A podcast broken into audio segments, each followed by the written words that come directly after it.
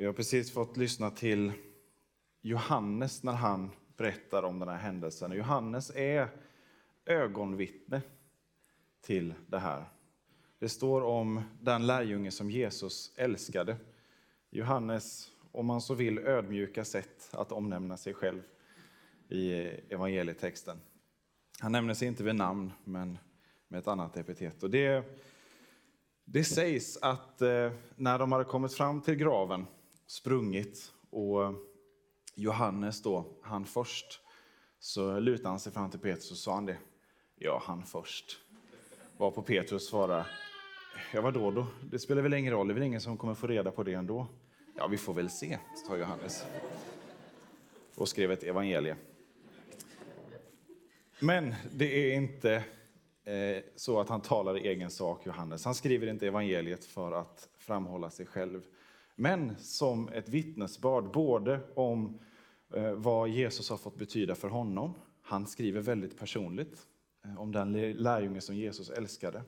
Och han är, man märker att han är med i det som händer. Han talar på andra ställen om, vi vittnar om det som vi har sett och det som vi har hört och det som vi har fått ta på. Så det här är konkret. Det här är en ögonvittnesskildring.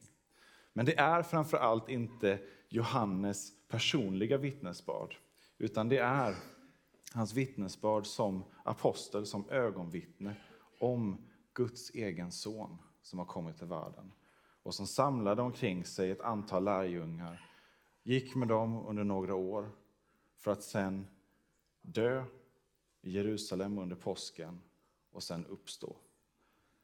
Någonting som han förtvivlat försökte förbereda dem på, men ingen av dem förstod ändå vad det var som skulle hända. Att årets största dag när man firar befrielsen ur slaveriet i Egypten ett par tusen år tidigare är den dagen då i sanning livet segrar över döden. Då förlåtelsen vinner över synden. Och hur Gud har förberett det här, faktiskt ända sedan skapelsen. Det här är någonting som blir synligt i vad, vad han gör med folket. Han för dem ut ur Egypten, han befriar dem. Och sen så förnyas och fullkomnas och fullbordas påsken, som är firandet av det, i det Jesus gör.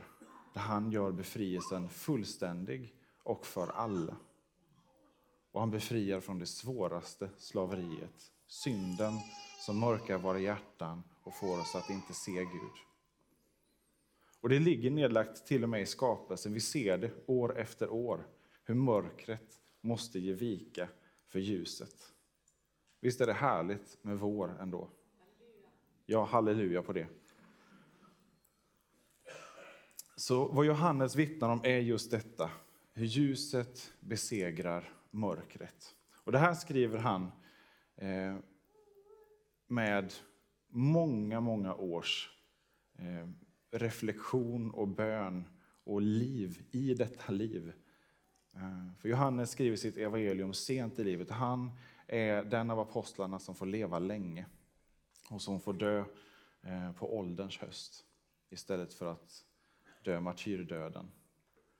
Han skriver sitt evangelium och märker när man läser det, det skiljer sig från de andra skildringarna. Därför att här finns en, en levd erfarenhet också, inte bara av vad som hände när Jesus gick på jorden, utan vad som händer med oss människor när vi går med den uppståndne Jesus. Hela evangeliet är genomsyrat av den här erfarenheten av Guds fulla liv. Och det, är ett, eh, det är ett mustigt eh, evangelium. Det fick ni som var här på skärtorsdagskvällen erfara då vi läste fem kapitel på raken eh, av Jesu avskedstal. Johannes har gått och eh, och sugit på det här vittnesbördet länge innan han präntar ner det. Och så får vi här då se inte bara Petrus och Johannes möte med den tomma graven. Eh, för bara det i sig är en fantastisk symbol. Eh, det tomma korset och den tomma graven. Han har uppstått. Och så dröjer Maria kvar. Petrus och Johannes de går, eh, går hem igen, står det. Och så dröjer Maria kvar. och det har inte landat hos henne. Hon har också hört Jesus undervisa om vad det är han har kommit för att göra. Men precis som för de andra lärjungarna så har det inte riktigt landat. Och vem kan klandra henne när någon säger att jag kommer att dö och jag kommer att återuppstå? Ett hopp som finns levande eh, hos det judiska folket och har funnits genom årtusenden om ett evigt liv, om en uppståndelse. Men när det kommer till kritan är det lätt eller svårt att tro. Och i sin förtvivlan, hon gråter, hon har inte förstått, så, eh, så möter hon Jesus själv. Och trots att hon möter Jesus själv så förstår hon fortfarande inte vad det är som har hänt.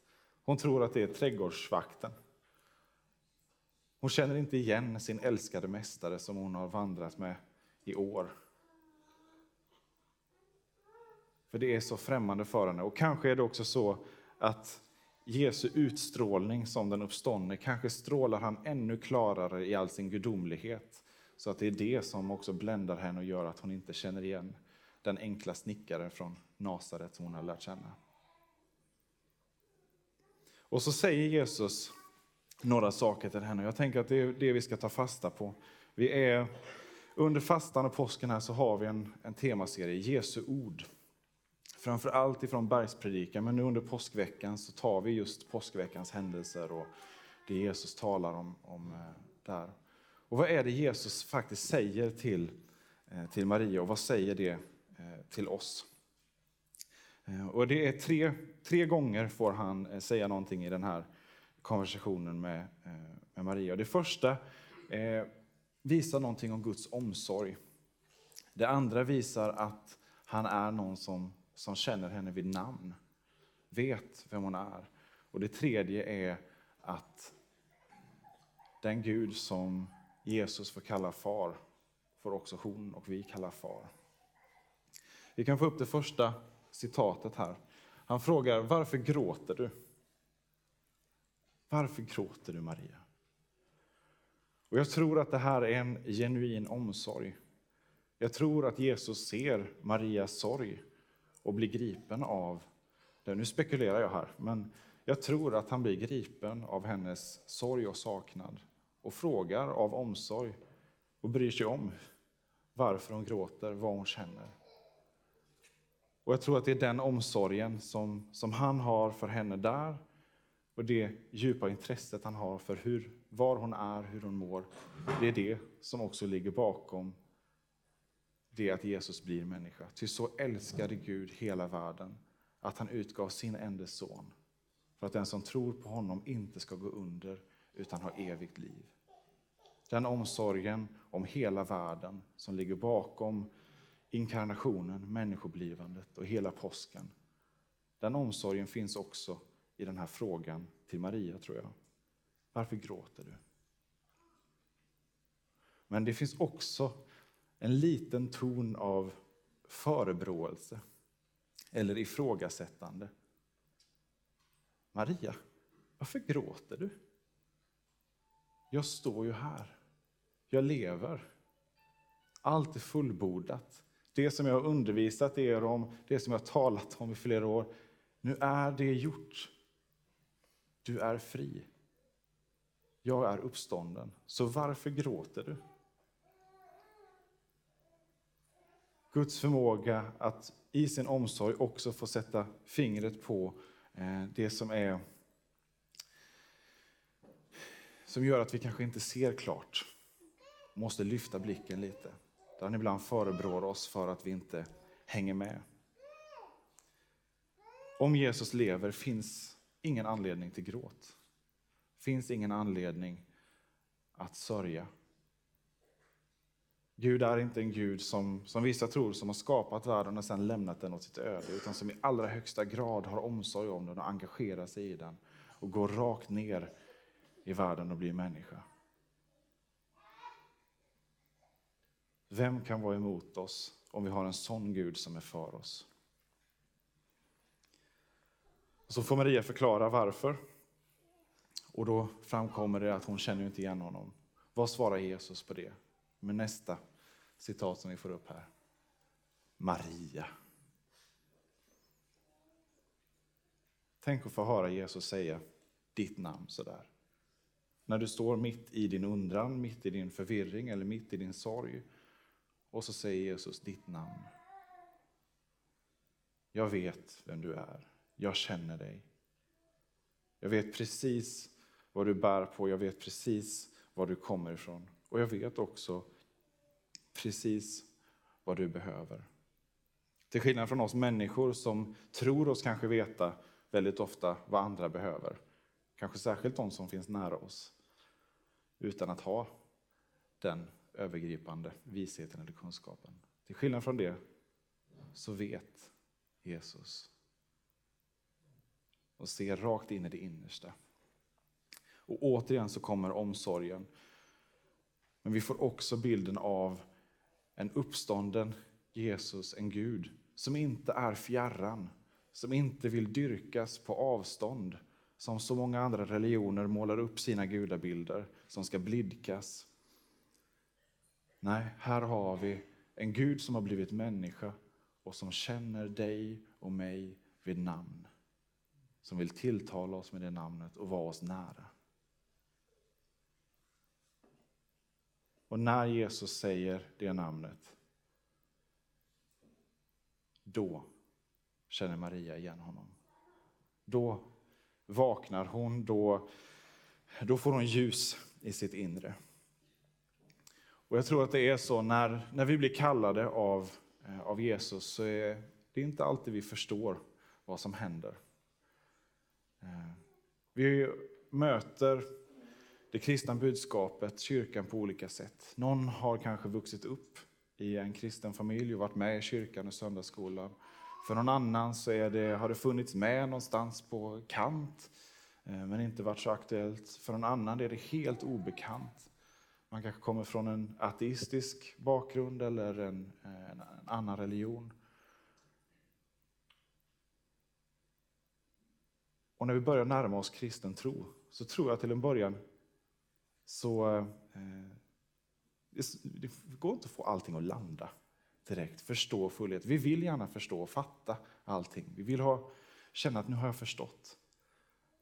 Men när Gud börjar dra i oss så påbörjas en brottningskamp och vi måste få, få fråga oss vad det är som händer. Få fråga oss vad är det här anspråket som, som Jesus gör om att vara Gud och uppstånden.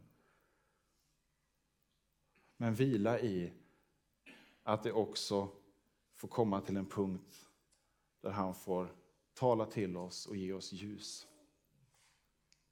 Och veta att han är också den som tar initiativet. Han kallar oss, han tilltalar oss och han är den som, som öppnar våra hjärtan för honom.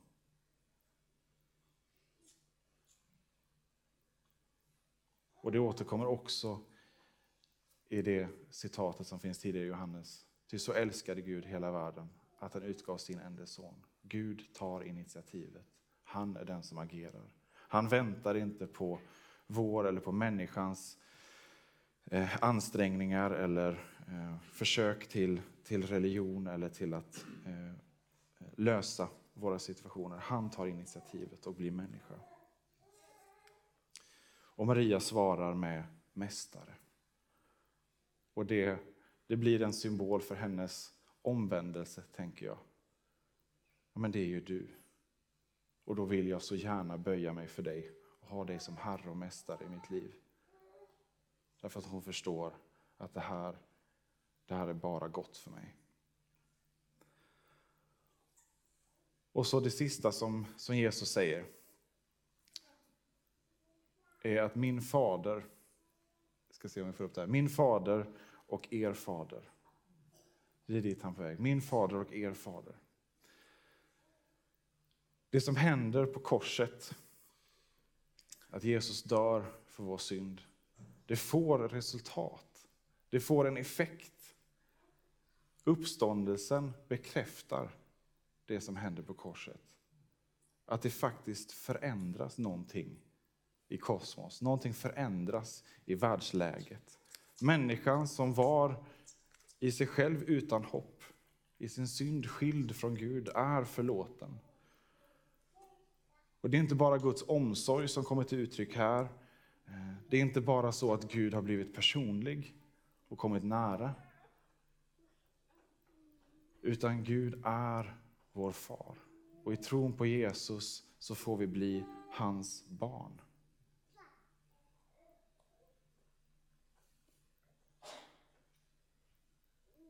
Åt de som tror på honom gavs rätt att bli Guds barn, skriver Johannes i inledningen av sitt evangelium. Det som Jesus har, det får vi. Det vi har, det får han. Vår ofullkomlighet, vår synd, vår smärta, allt det, det är det vi lämnar till Jesus. Det är det som spikas fast på korset. I uppståndelsen besegras det och tillbaka ges oss det som är hans. Rätten att få vara Guds eget barn. En fader så fullkomlig som, som fader så att han inte ens liknar våra mänskliga föräldrabilder, tror jag. Det finns bilder för det, men, men när vi får möta Gud som far i himlen så, så kommer allt föräldraskap i världen blekna i jämförelse med den faders omsorg, det faders hjärta som, som han har för oss. Och det här, allt det här, allt det här som Maria får möta i den här konversationen med Jesus. Omsorgen, det personliga tilltalet och löftet om att hon har Gud som pappa. Allt det här är möjligt och enbart möjligt på grund av uppståndelsen. Paulus, en, en annan lärjunge som tillkom lite senare, han hade en tuff början. Han förföljde kyrkan och dödade de kristna. Eh, och sen så kom han till tro på den Gud som han förföljde. Och han skriver om uppståndelsen att har inte Jesus uppstått, för det har blivit diskussion i en av församlingarna som han eh, coachade. Eh, om Jesus inte har uppstått, då är vår tro inte värd någonting. Om uppståndelsen inte är sann, om det bara är en poetisk symbol, om man skulle använda vår tids kanske invändningar mot hur det tolkas. Om det bara är det och inte ett historiskt faktum, någonting som har hänt, någonting som Gud har gjort, ja då är vår tro patetisk. För vad är det för hopp vi har om allt hopp hänger just på detta och det inte är sant? Så kristen tro står och faller med det som vi firar idag. Att Kristus har uppstått. Och Paulus skriver ett annat ställe att, Eh, att vi med vår mun ska bekänna med vårt hjärta tro att Jesus är Herre och har blivit uppväckt från de döda. Det är en sån kärna i, i hur tron kommer till uttryck. Så är uppståndelsen trovärdig? Ja, det är det många som har brottats med. Eh, och det finns mycket att eh, gräva i det. Kan det inte ha varit så att lärjungarna flyttade kroppen och kunde sätta igång ett rykte om att deras mästare hade uppstått, som han hade undervisat om? Eller var det så att Jesus var skendöd? Han gjorde ett prank. Han dog egentligen inte. Och så finns det olika saker man kan diskutera där om hur tung stenen är, om man skulle kunna tagit sig ur själv och, eh, och sådär, och vad, eh, skulle inte kroppen ha hittats och så vidare. Det finns jättemycket att läsa om det här, men en sak som är fascinerande att tänka sig är om det nu är så att lärjungarna vet om att Jesus inte har uppstått. De har inte mött den uppståndne Jesus. Eh, de har kanske till och med fejkat uppståndelsen själva eh, och dragit en stor lögn. Eh, hur, hur troligt är det? Nya Testamentet är en av de bästa historiska källmaterialet vi har. Ligger otroligt nära i tid. Eh, och det som kommer till uttryck där visar på raka motsatsen. Vi kan vara säkra på att lärjungarna var människor som genom sitt, hela sitt liv undervisade utifrån den här satsen att uppståndelsen är sann. Och 11 av 12 blev dödade för det påståendet. Och då tänkte jag att vi ska hoppa fram i tiden till Charles Chuck Colson. Är det någon som känner till honom? Nej, det är inte så konstigt. Eh, det kunde ha blivit någonting av honom. Men så var det så att han var en av president Nixons närmaste män på slutet av 60-talet, början av 70-talet. Och eh, Nixon eh, gjorde en hel del eh, fuffens i eh, sin eh, ambition om att få bli omvald som president. Watergate-skandalen, Eh, ett sånt eh, namn som nog inte kommer glömmas på länge. Och när det här eh, avslöjades då, så var de ett antal män, gubbar, som hade då en, en liten konspiration kring det här, som visste vad som hade hänt. Och det började läcka ut. Och Chuck här, han är en av de närmsta. En av de tolv till Nixon. Som har varit med om, eh, om att mörklägga det här och hålla det undan. Och eh, det börjar brisera och sen är det år av utredning och rättegång. Under den här tiden så blir Jacques kristen. Eh, så han har alltså varit med om då en av de värsta mörkläggningarna, en av de största skandalerna i eh, modern historia. Eh, om att försvara en korrupt eh, president och eh, dölja det som de har haft där i administrationen. Sen blir han kristen och sen blir han dömd. En av 48 stycken som döms i det här, men han är en av de som då har funnits allra närmast. Eh, sen så eh, kommer han ut ur fängelset och han startar en fängelsemission och eh, arbetade med det fram till sin död för några år sedan. Och han har sagt så här om Watergate-skandalen och uppståndelsen. Nu är vi nyfikna på sambandet här. När pressen kom, när, eh, när det började uppdagas att, eh, att det hade pågått någonting, så var de här männens karriärer i, eh, i fara. Och de bestämde sig för att, eh, för att ljuga och för att fortsätta mörka det här, förneka. Eh, för det var för mycket som stod på spel. Men Jacques säger, vi som hade så mycket att förlora på att sanningen kom ut, vi lyckades inte hålla tätt i ens tre veckor. Då snackar vi om världens mäktigaste man, presidenten. Hans ämbete står på spel och också tron på det ämbetet kanske. Och de här männen, sina karriärer inom den amerikanska politiken. De kunde inte hålla på den här lögnen mer än tre veckor. Sen börjar de läcka och sen börjar de ändå bekänna. Och Jacques säger, är det då troligt att tolv lärjungar utan de världsliga resurser och maktmedel som vi hade skulle kunna hålla på en sån här lögn i 40 år utan att någon gång läcka om att nej, det var inte sant. Skulle de här männen vara beredda att misshandlas, att fängslas, att torteras och att dödas för en lögn eller för någonting som de faktiskt inte tror på av hela sitt hjärta. Och så blev Jacques eh, otroliga missöde i, eh, i presidentens eh, stab en bild för honom över hur trovärdigt det vittnesbördet är som Johannes har för oss och de andra apostlarna. Uppståndelsen måste helt enkelt bara vara sann. Är det så att det här sätter igång tankar hos dig och det här, men det här, det här måste, måste jag ta reda på mer om. Kan det verkligen finnas så goda skäl? Ett tips är fallet Jesus av Lee Strobel. Eh, och är det så att du, eh, det här sätter igång någonting i hjärtat hos dig och du känner att det här, ja, det här, vill, jag, eh, det här vill jag gräva. Så när vi har nattvard sen så kommer det finnas förebedjare som ber för dig. Gå till någon av förebedjarna och säg att du vill ha en sån här bok, eh, så ordnar vi det. Jag har ett ex här som du kan få direkt. Eh, är det fler som, som vill ha så ordnar vi det. Eh, så tar vi dina kontaktuppgifter så ser vi till att du får en bok. Den går igenom många frågor och invändningar, framförallt kring just de här händelserna, men också annat. i kristen tro. På grund av uppståndelsen, på grund av att uppståndelsen är sann, så kan vi ha en tro. En levande tro.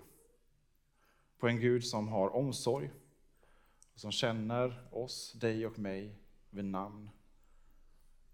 Och som faktiskt också tar upp oss i knät som sina barn. Och då kan vi utan skam och med frimodighet också tillsammans få bekänna vår synd och överlämna den åt Jesus att ta hand om idag.